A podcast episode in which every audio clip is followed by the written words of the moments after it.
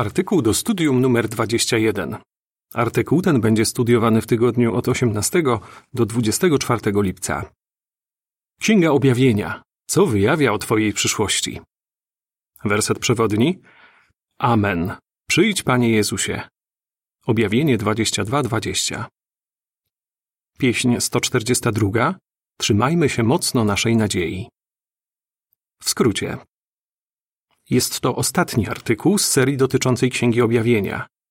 Dowiemy się z niego, że ci, którzy pozostaną wierni Jehowie, mają nadzieję na wspaniałą przyszłość. Ale tych, którzy sprzeciwiają się jego panowaniu, czeka upokarzający koniec. Akapit pierwszy. Pytanie: Jaką ważną decyzję każdy musi podjąć? Obecnie ludzie muszą podjąć ważną decyzję. Czy będą popierać Jehowę Boga jako prawowitego władcę wszechświata, czy staną po stronie jego zaciekłego wroga, szatana diabła. W tej kwestii nie można pozostać neutralnym. Decyzja, jaką podejmą, wpłynie na to, czy będą żyli wiecznie, czy nie. W trakcie wielkiego ucisku albo otrzymają znak umożliwiający przeżycie, albo zostaną przeznaczeni na zagładę. Akapit drugi. Pytanie A. Do czego zachęca nas Hebrajczyków 10 od 35 do 39? Pytanie B. Jak może nam pomóc Księga Objawienia? W liście do Hebrajczyków 10 od 35 do 39 czytamy: Nie przestawajcie okazywać śmiałości, bo to zapewni wam wielką nagrodę. Potrzebna jest wam wytrwałość, żebyście po tym, jak wykonacie wolę Bożą, dostąpili spełnienia obietnicy. Bo jeszcze bardzo krótka chwila i ten, który nadchodzi, przyjdzie i nie będzie zwlekał. Lecz mój prawy sługa będzie żył dzięki wierze, a jeśli się wycofuje, nie cieszy się moim uznaniem. My więc nie jesteśmy z tych, którzy się wycofują i zmierzają do zagłady, ale z tych, którzy wierzą i zachowują życie. Jeśli zdecydowałeś się popierać zwierzchnictwo Jehowy, podjąłeś mądrą decyzję. Teraz w dokonaniu właściwego wyboru na pewno chcesz pomagać innym. W tym celu możesz się posłużyć informacjami zawartymi w Księdze Objawienia. Ta niezwykła księga wyjawia, co czeka tych, którzy sprzeciwiają się Jehowie. Mówi też, jak nagrodzi on tych, którzy lojalnie popierają jego zwierzchnictwo. Powinniśmy więc analizować te ważne prawdy. Umocni nas to w postanowieniu, żeby dalej służyć Jehowie, a także wyposaży do pomagania innym w podjęciu właściwej decyzji i trzymaniu się jej. Akapit trzeci. Pytanie: co omówimy w tym artykule? W tym artykule odpowiemy na następujące pytania. Co czeka osoby, które popierają władzę Boga? I co stanie się z tymi, którzy decydują się popierać przedstawioną w Księdze Objawienia szkarłatną bestię? Co czeka tych, którzy są wierni Jehowie? Akapit czwarty. Pytanie. Kto w wizji Jana znajduje się razem z Jezusem w niebie? Apostoł Jan widzi w wizji dwie grupy, które popierają władzę Jehowy i zostają nagrodzone życiem wiecznym. Pierwsza z nich liczy 144 tysiące. Chrześcijanie ci zostają zabrani z ziemi, żeby w niebie utworzyć z Jezusem królestwo, czyli rząd. Razem z nim będą stamtąd panować nad ziemią. Jan widzi ich stojących z Jezusem na niebiańskiej górze Syjon.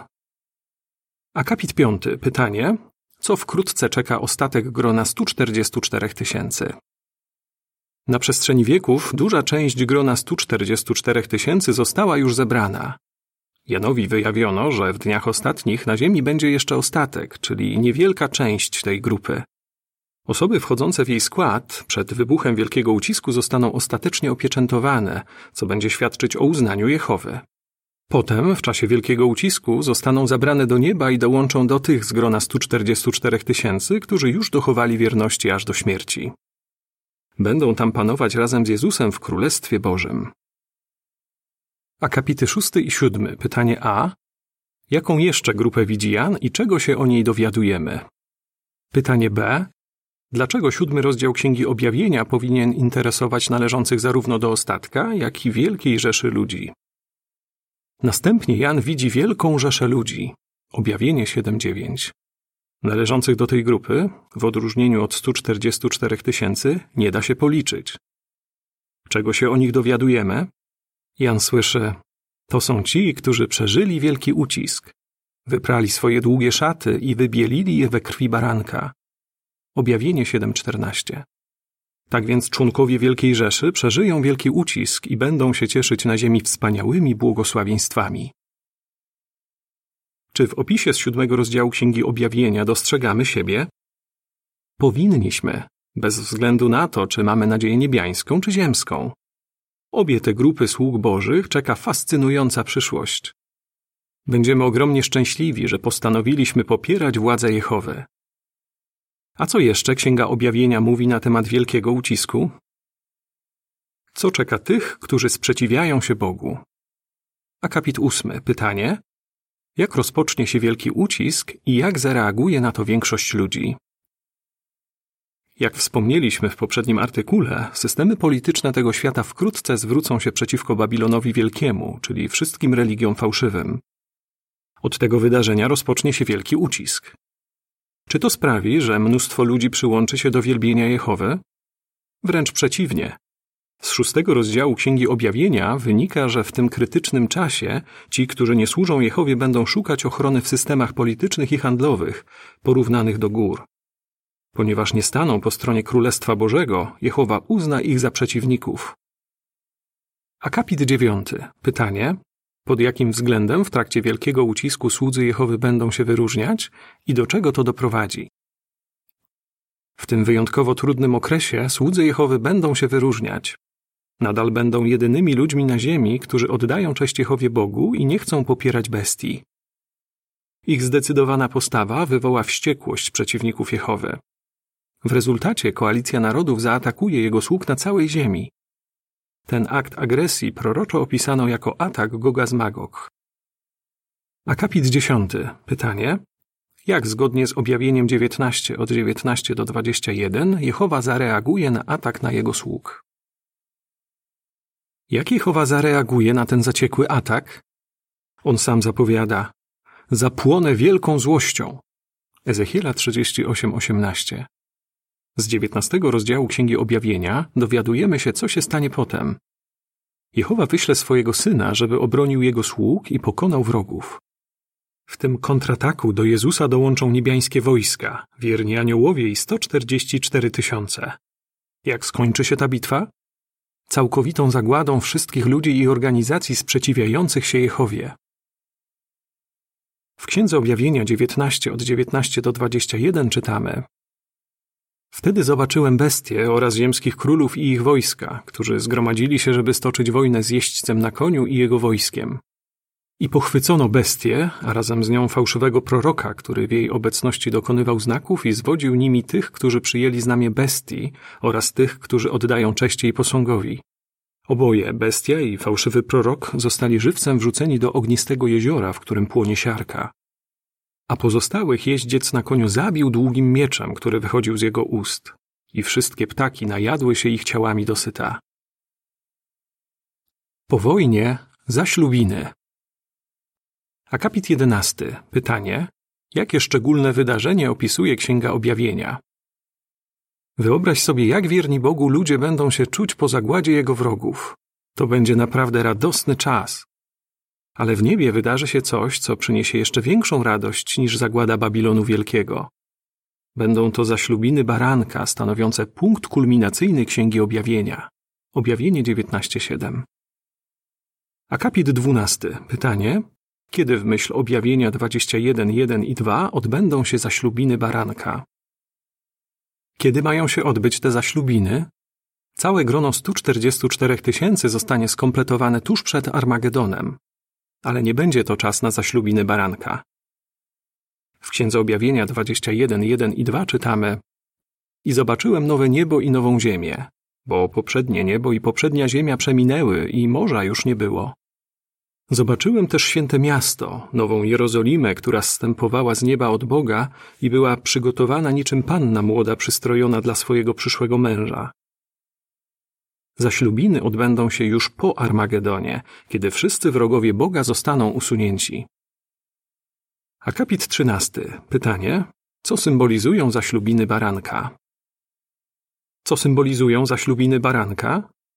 Tak jak małżeństwo łączy mężczyznę i kobietę, tak te zaślubiny połączą króla Jezusa Chrystusa z symboliczną panną młodą, czyli 144 tysiącami. Od tego wyjątkowego wydarzenia rozpocznie się panowanie nad ziemią nowego rządu, które potrwa tysiąc lat. Wspaniałe miasto, a Twoja przyszłość. Akapity 14 i 15. Pytanie: do czego w 21 rozdziale Księgi Objawienia porównano 144 tysiące namaszczonych chrześcijan? W 21 rozdziale Księgi Objawienia 144 tysiące namaszczonych chrześcijan porównano do niezwykle pięknego miasta, nazwanego Nową Jerozolimą. Objawienie 21.2. Zbudowano je na dwunastu kamieniach fundamentowych, na których napisano dwanaście imion dwunastu apostołów baranka. Objawienie 21.14. Dlaczego przykuło to uwagę Jana? Ponieważ na jednym z tych kamieni zobaczył swoje imię. To naprawdę wielki zaszczyt. To symboliczne miasto nie przypomina żadnego innego. Jego główna ulica jest z czystego złota, dwanaście bram wykonano z pereł, a mury i fundamenty ozdobiono drogocennymi kamieniami. Miasto to zbudowano na planie kwadratu, ale Jan zauważa, że czegoś tam brakuje. Zwróćmy uwagę, co mówi dalej. Nie widziałem w tym mieście świątyni, bo jego świątynią jest Bóg Jehowa, wszechmocny, a także baranek.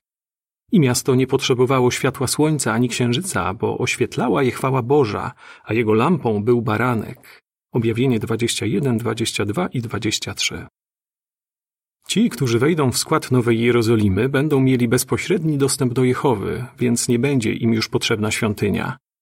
Poza tym będą pełnić świętą służbę dla Boga pod kierownictwem Jezusa, który jest w niebie arcykapłanem. Dlatego w wizji Jehowę i Jezusa przedstawiono w tym mieście jako świątynię. Akapit 16. Pytanie: czego będą zaznawać ludzie podczas tysiącletniego panowania?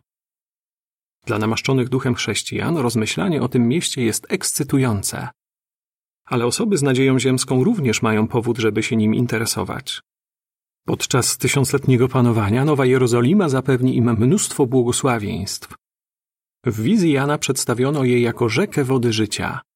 Na obu jej brzegach rosną drzewa życia, których liście służą do leczenia narodów. Objawienie 22, 1 i 2. Z tych błogosławieństw będą mogli korzystać wszyscy żyjący wtedy ludzie. Ci, którzy będą okazywać Bogu posłuszeństwo, stopniowo zostaną doprowadzeni do doskonałości. Nie będzie już chorób, bólu ani łez. Podpis do ilustracji na stronie tytułowej. W 21 rozdziale Księgi Objawienia ukazano symboliczne miasto, Nową Jerozolimę, która zstępowała z nieba od Boga. Podczas milenium zapewni ona posłusznym ludziom mnóstwo błogosławieństw. Akapit 17. Pytanie: kto zgodnie z objawieniem 20 od 11 do 13 skorzysta z błogosławieństw podczas tysiącletniego panowania? Kto skorzysta z tych wspaniałych błogosławieństw? W pierwszej kolejności wielka rzesza ludzi ocalałych z Armagedonu, a także dzieci, które prawdopodobnie urodzą się w nowym świecie. Ale w 20 rozdziale Księgi Objawienia znajduje się też obietnica, że umarli z martwych wstaną. W Księdze Objawienia 20 od 11 do 13 czytamy Potem zobaczyłem wielki biały tron i tego, który na nim zasiadał. Sprzed niego uciekły ziemia i niebo i już więcej nie było dla nich miejsca. Zobaczyłem też umarłych, wielkich i małych, którzy stali przed tronem i otwarto zwoje. Otwarto też inny zwój, zwój życia. I na podstawie tego, co było napisane w zwojach, umarli byli sądzeni według swoich uczynków. Morze wydało swoich umarłych oraz śmierć i grób wydały swoich umarłych. I byli oni sądzeni, każdy według swoich uczynków. Do życia na ziemi powrócą zarówno prawi, jak i nieprawi, osoby, które przed śmiercią nie miały możliwości poznać Jehowy. Dzieje 24:15. Czy to znaczy, że podczas tysiącletniego panowania zostaną wskrzeszeni wszyscy zmarli? Nie. Ci, którzy świadomie odrzucili możliwość służenia Jehowie, nie zmartwychwstaną. Swoim postępowaniem pokazali, że nie są godni żyć w raju na ziemi. Podpis do ilustracji do akapitów 16 i 17. Kto skorzysta z błogosławieństw przedstawionych jako rzeka oraz drzewa? Ostateczna próba. Akapit 18. Pytanie: Jak będzie wyglądać sytuacja na Ziemi z końcem tysiąca lat? Z końcem tysiąca lat wszyscy żyjący na Ziemi będą doskonali. Nikogo nie będą już dotykać skutki grzechu odziedziczonego po Adamie. Zostaną one całkowicie usunięte. Mieszkańcy Ziemi ożyją wtedy w tym sensie, że osiągną doskonałość.